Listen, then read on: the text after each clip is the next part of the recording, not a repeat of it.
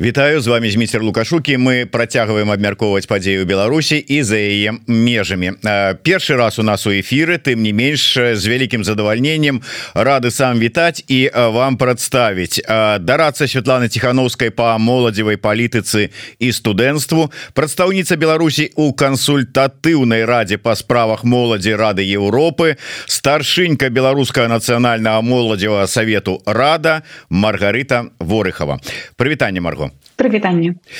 Давайте пачнем з самага пачатку. Не ну уже не з самага самага пачатку але з такого больш-менш актуальна гэта прадстаўніца Беларусі у кансультатыўнай радзе па справах моладзі рады Еўропы. Наколькі я разумею Вось гэта здарылася ну фактычна на днях. 19 лютага вас прызначылі на гэтую пазіцыю пасаду так язык не поворачивается сказаць. Что гэта азначае? Таму что я читаю что упершыні увогуле у гісторыі э, сусветнай палітыкі такое здарылася. Что гэта азначае якія перспектывы Ну увогуле что ёсць з гэтай нагоды сказаць так дзякуй я з вас пазвол переда на рускую мову там ты що таки вылучаю беларускую таму не вельмі комфортно себя адчуваю расскажи немножко про то что это за структура.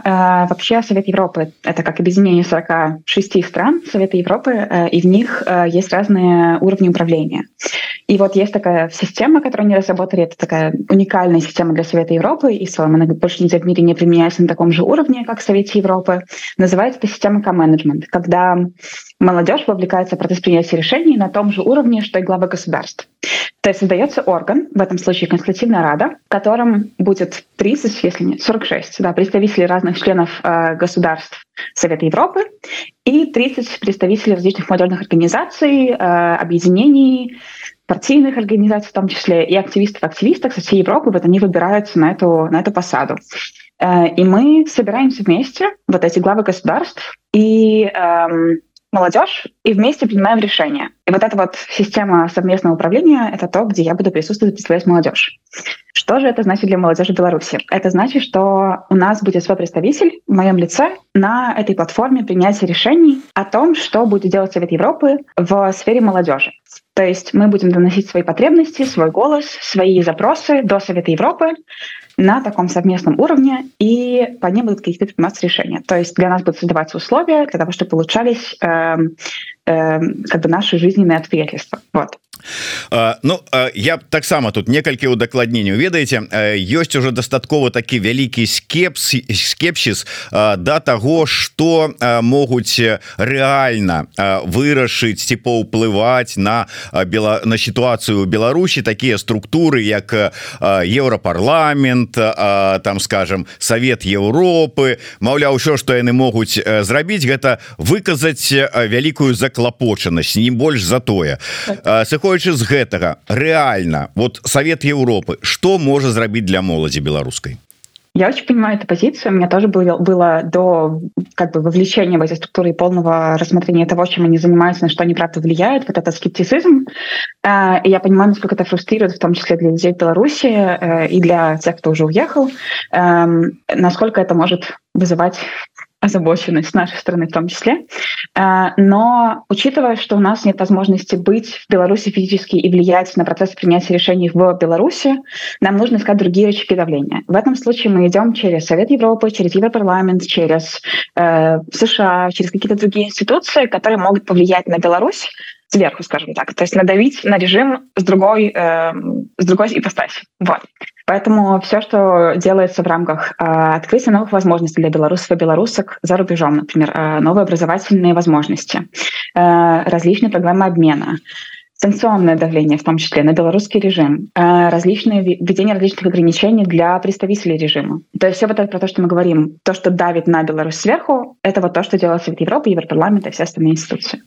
Ну, бачите, калі казаць все ж таки закранаць тэму глобальнага ціску зверху, то ну як мы бачым, ні гэты ціск, ні санкцыйныя нейкія увядзенні і пакеты, нічога асабліва ну неяк змяніць сітуацыю да лепшага не дапамагае. Таму я думаю что і ў дадзеным выпадку казаць на ну скажем так тое что гэты ціск зверху штосьці зменіць Ну будем спадзявацца что зменіць але пакуль мы вынікаў не бачым. Такім чынам атрымліваецца что самое рэальнае что Мачыма гэта для моладзі за мяжой ствараць нейкія адукацыйныя культурніцкія і усе астатнія магчымасці. Ну я бы оспорил немножко тезис насчет того что санкции ни на что не влияют потому что да мы не видим эффекта прямо сейчас и он не так заметен как могут быть другие эффекты но он все еще есть и он все еще будет в перспективе работать. То есть то что мы не видим какого-то конкретного эффекта сейчас это не значит что они не работают. Э, но как бы да один из таких других механизмов это вовлечение молодежи в различные культурнические обмены образовательные возможности и попытка э, вернуть э, или как бы возобновить вот это стремление общенациональной к европейским ценностям это то что мы делаем да але калі больш падрабязна может быть ужо ёсць нейкія там проекты программы адукацыйныя культурніцкія я не ведаю вандроўныя те яшчэ якія да, конечно. Э, в Совете Европы, например, э, есть э, по каждому государству такой экшн-план, в котором они прописывают разные сферы направления развития государства. И вот у нас у белорусского представительства там тоже есть свой экшн-план, что обычно не является нормой, и ни для одного другого государства, которое не является членом Совета Европы, такого экшн-плана нет, а по Беларуси он есть. И это вот заслуга контактной группы Совета Европы, которая была создана два года назад. И вот в этом экшн-плане прописаны различные активности, не только по молодежи, но и по образованию, по, э, например, по отмене смертной казни в Беларуси, по э, юридической направленности, по традиции власти и по различным другим направлениям. И по молодежи там самый большой блок что достижение не только мое, но и Рады в том числе, Рады, которая молодежный совет Рады. Вот. И в этом экшн-плане по молодежи как раз-таки прописаны различные образовательные возможности, обмены, тренинги, э, поддержка проекта, в том числе финансовая, э, ресурсная, экспертная. И вот в этом году будет проводиться конференция Совета Европы именно для белорусской молодежи. Это тоже довольно уникальная ситуация. Это можно быть только для Беларуси, что как бы не принято обычно в Совете Европы. В том числе будут проводиться тренинги, тренинги. Вот в октябре пройдет тренинг для молодежи, молодежи Беларуси только по развитию лидерских навыков и написанию проектных, э, развитию проектных возможностей для Беларуси по разным направлениям. В прошлом году такой тренинг уже был. На нем было разработано 7 проектов от молодежи по различным направлениям. И э, у них есть возможность сейчас пытаться на грант от Совета Европы. И гранты довольно большие и поддерживающие э, большой пласт организации молодежи. Э, Марго, несколько таких э, довольно складанных пытанняў першае з пытання оно звязана з санкцыямі але. І наўпрост пра санкцыі з моладдзю дакладней сяе мабільнасцю і мы зараз гаворым про тую моладзь якая знаходіцца у Беларусі ось ёсць санкцыйныя абмежаванні. У той же самый час мы бачым что гэта санкцыя гэта супрацьстаянне рэжыма лукашэнкаўска с захадам прыводзіць до того что ёсць абмежаванні на пра на складанасці на атрыманне візы. Закрываюцца контрольно-пропускныя пункты вось завтрашняга дня два пункта на мяжы літоўска-беларускай закрываюцца. І гэтак далей.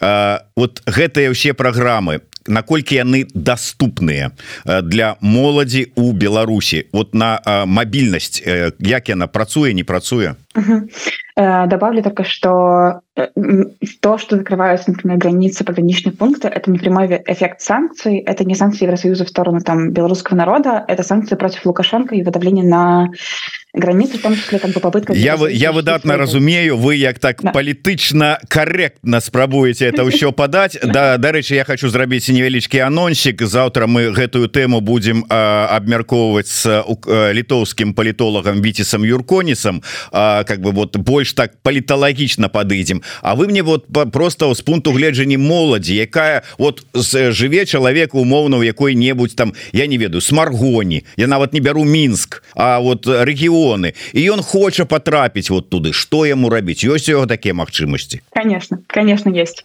на любые мероприятия, которые проводятся не только Советом Европы, но и другими организациями, можно подаваться с Беларуси всегда. Э, в частности, Советом Европы это немножко более безопасно, чем любые остальные ивенты от наших организаций, потому что многие организации были признаны экстремистскими организациями, но Совет Европы не был, к счастью, пока что. Но посмотрим, как это будет двигаться дальше. Э, образовательные мероприятия, которые проводятся Советом Европы, направлены не на как бы там нет месседжа свергнуть режим Лукашенко. Там есть месседж поднять культурную сферу в Беларуси, э, развить политические навыки среди белорусской молодежи, развить лидерские навыки среди белорусской молодежи. Поэтому это довольно безопасный такой, э, такая возможность для белорусов поехать за границу и научиться чему-то новому, принести это обратно в Беларусь, развивать свою организацию.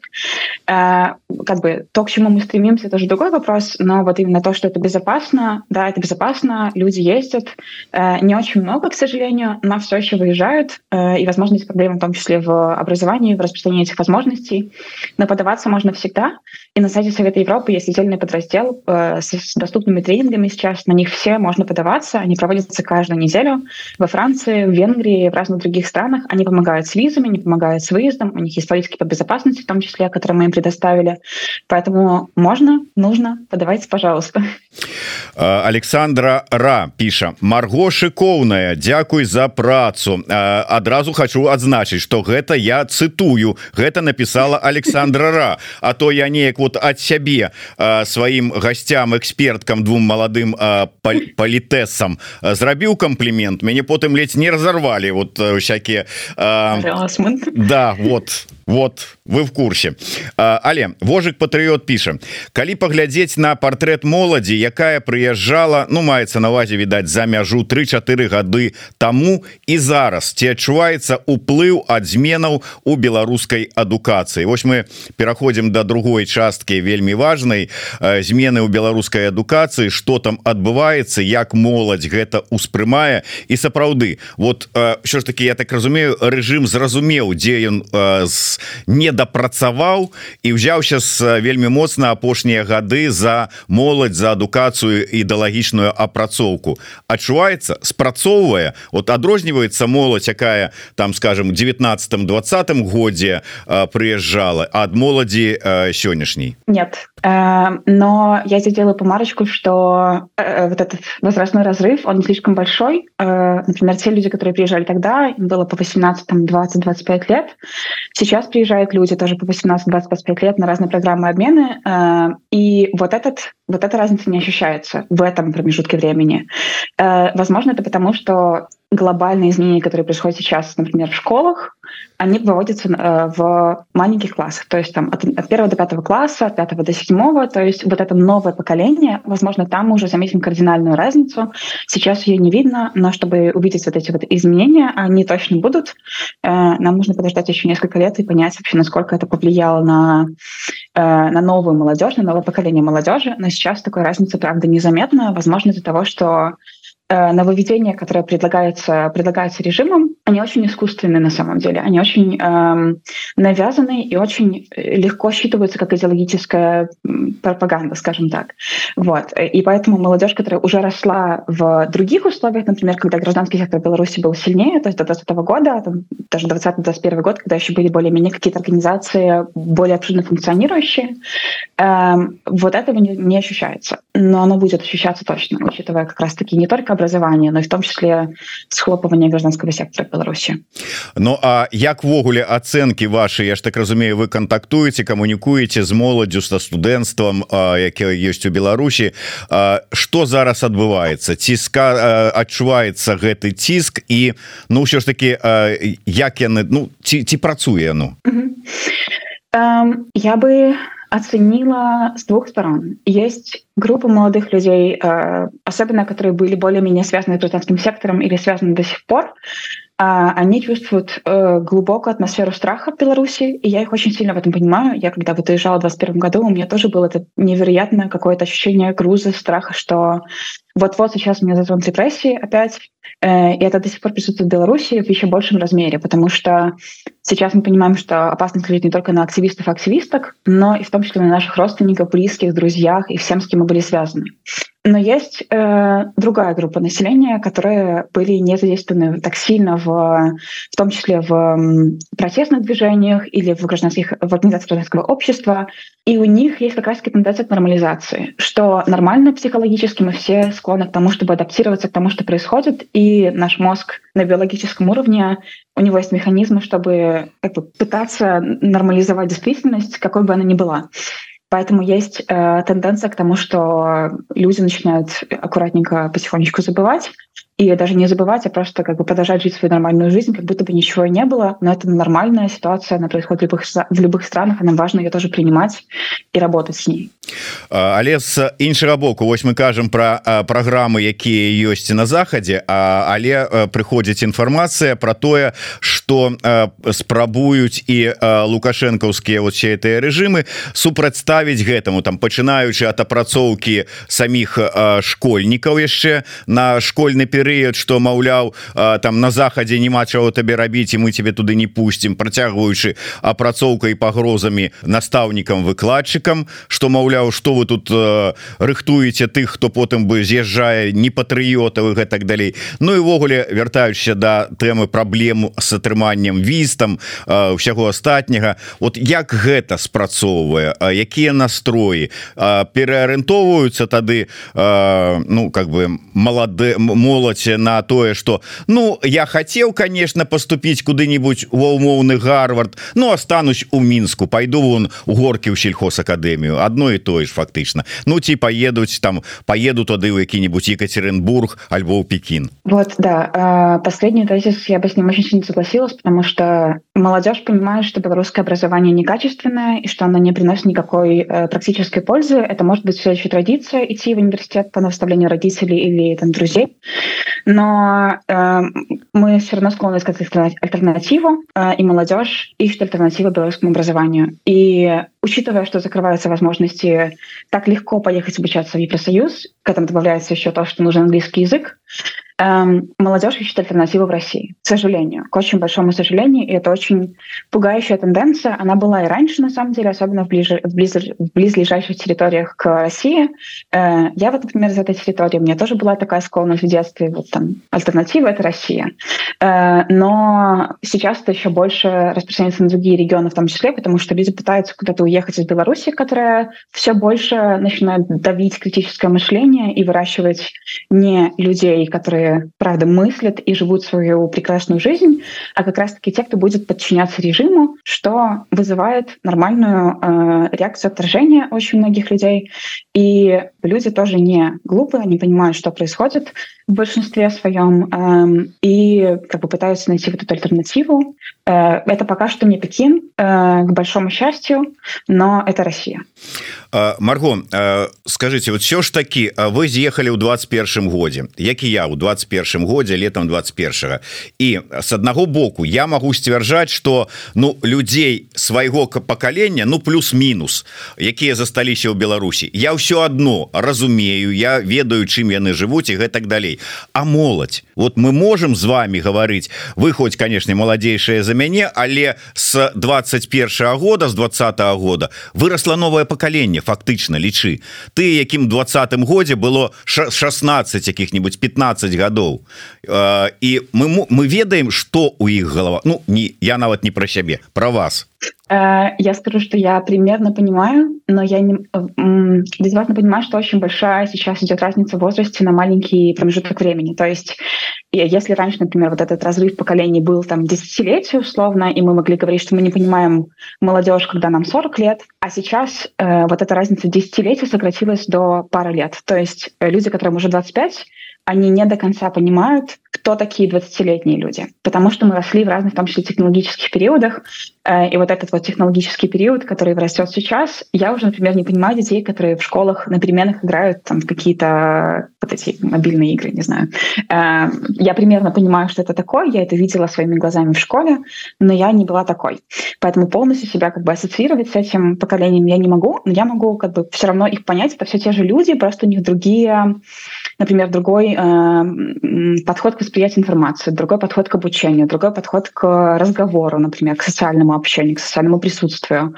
Э, в целом понять можно, э, полностью принять, наверное, нет, но это тоже нормально. И это происходит не только в Беларуси, но и в других странах в том числе. А як вы лічыце вот ну все ж таки контакты с моладдзю ёсць як вы лічыце пропаганда спрацоўвае ну вот умоўно кажучы там скажем азаронок стал для іх прыкладам для вот того что вот вот вот это сапраўдны беларус я бы сказала что нет и я очень надеюсь что я что я не ошибаюсь в этом потому что пропаганда белорусская в том числе они пытаются привнести и как бы оживить эту молодежную сферу в том числе и показывать даже новые ролевые модели, что э, в Беларуси как бы не является такой традицией. У нас постоянно, если мы посмотрим на какую-то статистику по, например, парламентариям белорусским, э, у нас есть один молодежный парламентарий. Это Мария Васильевич. Ну, уже, наверное, даже бывшая. Она, по-моему, ушла из парламента, если не ошибаюсь. Э, но как бы, э, режим пытается принести новые ролевые модели для белорусской молодежи, чтобы они могли себя с кем-то ассоциировать. Это хорошая тактика, но она не работает до конца, потому что режим э, пытается выстроить систему э, путем какого-то копипаста примеров, которые они видели где-то раньше, но они не проникают в суть. Э, будет очень смешно, если после этого интервью они изменят свою тактику. Э, но как бы суть в том, что разница между, например, тем... Его, и возьмуть Марго Вороха, Ворохову за приклад для новой ролевой модели. Начнут добавлять красивый свет. Да. Э, вот да, разница в том, что в Совете Европы э, есть такое понятие, как трансформирующий опыт. В режиме его нет. Режим пытается как бы затянуть силой людей на какие-то мероприятия, на какие-то конференции, в парламенты, в политику, все вот эти вещи, но это не работает до конца, потому что нет возможности эм, как бы на уровне понимания э, полностью проникнуться идеей режима, потому что она очень искусственная, она не натуральная, она не чувствуется как идея, которую можно, на которую можно опереться. Она искусственно выведена, и в этом проблема режима. И в этом как бы то, на чем мы можем играть. Потому что наша идея и идея Совета Европы, европейские идеи, они идут вглубь, они исходят из истории, они исходят из, э, опять же, открытости, из честного разговора, а идеи режима исходят из закрытости, из э, опрессии, из э, давления на людей и попытки вогнать всех в состояние страха. Это не работает на долгую перспективу, к счастью для нас, к сожалению, для режима. Ну з іншага боку яны таксама вон ёсць же у іх нейкі там моладзевы парламент свой там нейкі нават вот хлопчык такі ёсць который вот с потухшим взором рассказывал каю что ён готовы памёрці за лукашенко вот вот чым не конкуренты вам за у барацьбе за умы моладзі Это как раз-таки прямой пример того, почему это не работает. Потому что люди, которые выходят говорить за Лукашенко, поддерживать Лукашенко публично, у них потухший взгляд, они не верят в то, что они говорят. И это прекрасно э, для нас, опять же. Эм, я вот еще пример того, как работает молодежный парламент. Это эффективная структура, на которой... Э, вот есть такая... Так, еще минуточка истории лекции. Э, есть ступенечки участия, такая лестница участия называется. На ней есть разные степени участия. И вот та как бы ступенечка участия, на которой находятся люди в Беларуси, это самая нижняя ступенечка, я бы даже сказала, под лестницей, потому что, например, приходит как же ее зовут? Эм, я забываю фамилию. В общем, э, девушка представительница режима, женщина представительница режима.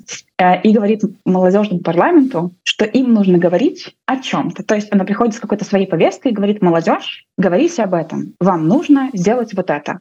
То есть не молодежь приходит с какой-то своей повесткой и, при, и как бы принимает какие-то решения на самом деле и получает какой-то фидбэк от, э, в том числе от представителей власти. Это всегда про вот вам пример, делайте по примеру. Делайте делайте, как хочет режим, а не делайте, как хотите вы, и режим вас послушает и подстроится под... Вот если бы режим послушал, построился, давал какой-то фидбэк, возвращался к молодежи с э, платформы для разговора, на которой они правда будут услышаны, вот это хорошая ступенечка, на которой нам нужно будет находиться впереди, когда у нас будет демократическое общество. А сейчас э, как бы это не работает, потому что это не это не участие, это создание картинки участия, и эта картинка не работает. Ну да можа быть. Міче пішам так а А не не гэта не хотя гэта добрага дня Дякую за гостю. Сейчас поступление в вузы ЕС для некаторых из Беларуси представляется дорогой в один конец. Как преодолеть эти страхи? Поехать попробовать потому что есть все еще огромное количество людей которые из э, Беларуси обучаться в университеты других стран возвращаются обратно на каникулы. Тоже нормальная практика совершенно. Из Вильнюса очень часто ездят в, на каникулы, там, не знаю, ребята к родителям. Совершенно никаких проблем в этом нет. Эм, в том числе можно вернуться после получения образования в Европе в Беларусь обратно. Там даже не если не ездить каждые выходные, потому что может быть дорого, э, но вот приехать отучиться и поехать обратно, к этому нет никаких препятствий абсолютно. Э, и пока что, к нашему большому счастью, за это нет э, такого наказания. То есть можно уехать учиться, приехать обратно, и жить свою нормальную жизнь. Э, поэтому попробуйте. Ну, ну да. Ладно, не будем тут комментовать это, да. Потому что все ж таки, да. Ну, что еще сказать? Ну, можно, да, не поспробуешь, не, вед, не, не доведаешься. Худкий смоуш пишем чем больше проходит времени и люди забывают и продолжают жить нормальной жизнью тем меньше шансов у Беларуси и политзаключенных шансов на существование. Слишком долго все это. А сидя в Беларуси и глядя на весь этот цирк например с КС руки опускаются Дарэчы какие у вас а, реакции глядячи на цитую этот цирк с КС э, я не КС молодевого наступу. Тому э, я на самом деле понимаю, как это может выглядеть со стороны, э, но, наверное, там свой критический комментарий насчет того, что мы просто не привыкли видеть, как выглядит диалог в политической, политической стезе между людьми. Мы никогда не видели, например, как заседание проходит парламента в Беларуси. Мы никогда не наблюдали диалога в, например, в новостях между разными, э, между людьми с разными идеями. У нас всегда была одна идея, по крайней мере, за мою жизнь я видела только одну идею, и она была прорежимная. Я никогда не видела, что такое споры между политиками, у которых есть свои повестки, у которых есть свои идеалы, свои ценности, свои разные виды, взгляды на э, то, как должна выглядеть Беларусь, то, как должна выглядеть наше, там, наше образование в виде КС или то, что нам нужно делать. У нас у всех совершенно разное видение, но оно идет к одной цели. Э, и это классно, потому что мы не образуем структуру, которая держится на одном человеке, мы образуем структуру, которая будет разнообразной и включать в себя в разные взгляды. И вот этот диалог, который мы наблюдаем, это диалог. Это нормальный процесс, мы должны его пройти, Э, возможно, он выглядит как-то некрасиво, может быть, но он не будет выглядеть красиво никогда. Это не то, к чему нужно стремиться. Потому что красивый диалог — это диалог, который не имеет в себе ценности, не имеет в себе какой-то идеи, и это диалог, который не проходит без эмоций, то есть люди не отдаются ему полностью и не вникают так сильно в него. Поэтому то, что мы видим сейчас в КС, нормально. Привыкайте, так выглядит политика. Ну, іншая справа, что мы не асабліва моцна бачым, што ж там насамрэч адбываецца ў КС.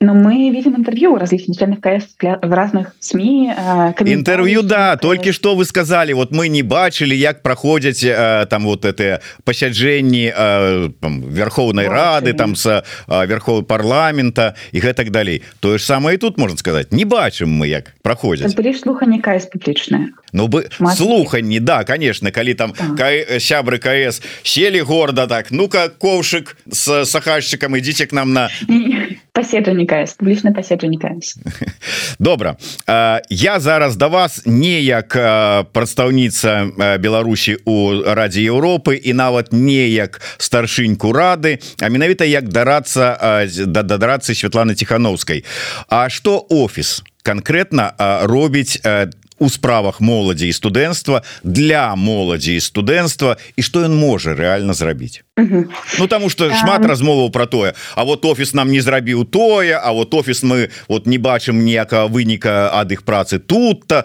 Вот ваша праца. Покажите мне вынік быстренько Окей.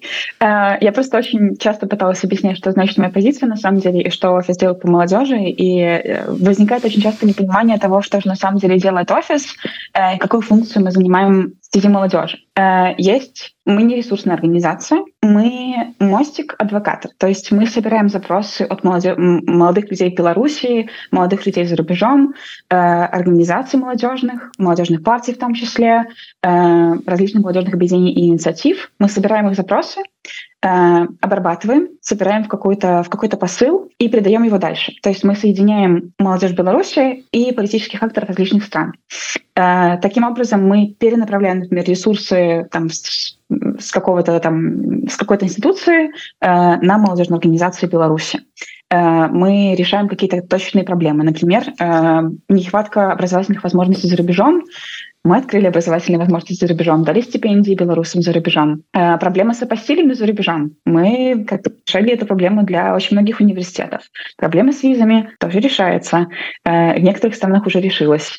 Эм, проблема в Беларуси с этим немножко сложнее, потому что тяжело повлиять здесь и сейчас.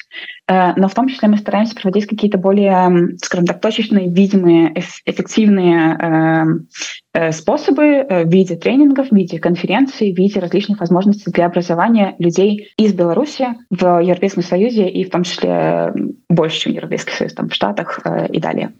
Вот, поэтому мы как такой агрегатор, аккумулятор и передатчик. Вот. Добра, скажите мне к агрэгатар фармулятор і перадатчик пытанне вот акурат таки добрае на тэму от вожыка ізноў жа патрыёта ЕГУ хочуць прызнаць экстрэміскім ці ёсць нейкі план на выпадак калі пачнуць прызнаваць экстрэміскімі замежныя інстытуты Ну так сапраўды я вот дарэчы не адсачыў ўсё ж таки прызналі не прызналі ЕГУ але я ведаю дакладна что скажем свабодны беларускі свабодны універсітет універсітэт меленкевича прызналі экстрэміскім і тут вот как бы два бакі э, медаля. С аднаго боку той же самый ЕГУ калі прызнаюць калі пачнуць прызнаваць Ну скажем даведаюцца что э, шмат э, беларусаў пачала пачало поступаць у ну варшаўскі універсітэт там напрыкладу возьмуць яго прызнаюць Ну з іх з іх станецца що ім там иногда не до законаў с аднаго боку. З другого боку мы бачым что ўсё ж таки ну, і Беларусь сыходзіць с повестки у на нейкія там іншыя планы уже нават не на другія на трэця на пяты нейкі. І нейкія э, складанасці у адносінах да беларусаў там у ВНЖ не даваць э, прымаюцца рашэнне там абмежаваць колькасць беларусаў якія могуць паступаць в універсітэты гэтак далей. Калі гэта пойдзе яшчэ далей калі універсітэты у свеце там у празе там дзе-нибудь там у Берліне скажуць А что там мы не хочам как беларусы поступалі ввогуле там это краіна агрэсар і ну і гэтак далей. Там нацбяспека. Ёсць план что рабіць у этой ситуации То есть я правильно понимаю вопрос в том, что будет, если университеты мира перестанут принимать белорусов? И гэта, да, и гэта таксама з розных прычынаў ці самі вырашыць ці просто вот сапраўды іх прызнаюць экстрэміскімі ў Беларусі і ты моладзь якая яшчэ вучыцца ў школе і думае куды поступіць думаю А ну его связываться вот экстрэміскім прызналі паучуся там ужо дакладна тады назад не вярнуся угу. Э, так, хорошо, поняла. Э, так, тут два вопроса получается. Хорошо. Первый про то, что, что будет, если университеты перестанут принимать белорусов в свои ряды. Э, пока что я, если честно, не видела ни одного такого сильного сигнала, что какой-то университет не хочет принимать белорусов к себе. Э, были какие-то нюансы с визами, но они возникали не из-за того, что не хотят принимать белорусов, а потому что есть опасения насчет того, как различают белорусов режимных и нережимных, и принимать, ну, то есть кого мы принимаем э, в свои ряды. И вот здесь э, это вопрос, опять же, решаемый. Это единичные случаи, которые возникали э, и также быстро решались. Э, сейчас я лично не знаю ни одного университета, который бы отказал белорусу в поступлении на данном этапе, что было бы каким-то уже активным кейсом сейчас кому-то отказали поступление. Для этого могут быть разные причины, там в том числе и безопасность, но это все решается на уровне диалога с университетом и объяснения ситуации более полно. Э, и это как раз-таки то, чем занимается и офис Лана Тихановского, не только по молодежи, но и э, в целом как структура. Мы подсвечиваем э, проблемы белорусов в Беларуси и за рубежом, рассказываем про то, что белорусы и режим — это разные совершенно эм, сущности. Э, вот. Э, и э, обеспечиваем то, чтобы возможность для белорусов становилось не меньше, а больше. Поэтому тенденции такой нет, по крайней мере, я ее не вижу. Э, возможно, опять же, единичные случаи, но они решаемые. И для этого можно обращаться в офис как раз-таки. Что касается признания со стороны белорусов, именно режима других университетов и организаций экстремистскими, такая тенденция уже как бы вот наблюдается там и в сторону, да, опять же, ЕГУ и вот университет Миленкевича. Э, но как бы нет чего-то, что мы можем сделать, чтобы запретить режиму признавать организации экстремистскими. Есть что-то, что мы можем сделать, чтобы помочь белорусам, которые, например, там едут учиться, вернуться обратно. Э, это может быть какой-то непубличный список, в том числе там нет никакой возможности у, универси... у, у режима запросить списки студентов из университетов. Э, университеты никогда на это не пойдут, государства никогда на это не пойдут, поэтому как бы, опасности как таковой нет. Если мы говорим про какие-то более общие там возможности слить информацию про то что человек именно получает образование в университете тут уже касается как бы каждого человека лично в том числе и университетской политики по фотографии и по выдаче как бы публикации данных на сайтах. Но это тоже все очень обсуждаемая история и очень многие университеты особенно университеты которые находятся в ближайших странах к Беларуси они очень понимают эту ситуацию и готовы в том числе на компромиссы и договариваться с студентами лично. Например есть всегда политика по не публикации фотографий или не публикации личных данных на сайте в любых э, материалах и не выдачи личных данных в том числе. Поэтому с этой точки зрения человек, который едет учиться, может не говорить, что он едет учиться. И как бы это нигде не будет документироваться в Беларуси, поэтому как таковой опасности прямой нет. Она есть косвенная, но косвенная опасность как бы мы тут все принимаем участие в том, чтобы ее решать и договориться с университетами лично. Ну и на завершение э, скажите все ж таки э, ваш э, ваш погляд атрымаецца моладзі пазбегнуць этой ідэалагічнай апрацоўкі перакоўкі каб ну з іх зрабілі лукашыстаў янычараў і гэтак далей. І ну как бы ваш зварот просто да моладзі беларускай Это на самом деле очень комплексный вопрос. Мне э, всегда очень тяжело на него отвечать, потому что мы осознаем того или нет, находимся в какой-то среде. Э, и я тоже вспоминаю, как я росла в Беларуси. У меня тоже определенный период времени. Я не понимала, что происходит в стране это совершенно нормальная история. Э, нужно было случиться чему-то в моей жизни, и это что-то были э, гражданские организации, чтобы я поняла, что на самом деле происходит. И в этом в том числе как бы виноваты э, в позитивной стороне мои, мое окружение, мои близкие, мои друзья, э, активисты, активистки. Поэтому то, что я могу посоветовать, белорусам и белорусскому Беларуси и за рубежом в том числе, и любым другим людям, это думать о том, что происходит, пытаться оценить ситуацию не только со стороны того, как она подается везде и там вашими какими-то соцсетями, потому что соцсети тоже построены на алгоритмах, которые склонны выдавать нам то, к чему мы, склон... к чему мы имеем склонность. Оценивайте информацию, проверяйте факты, не доверяйте никому, кто бы что бы вам ни говорил. Будь то режимные представители, нережимные представители.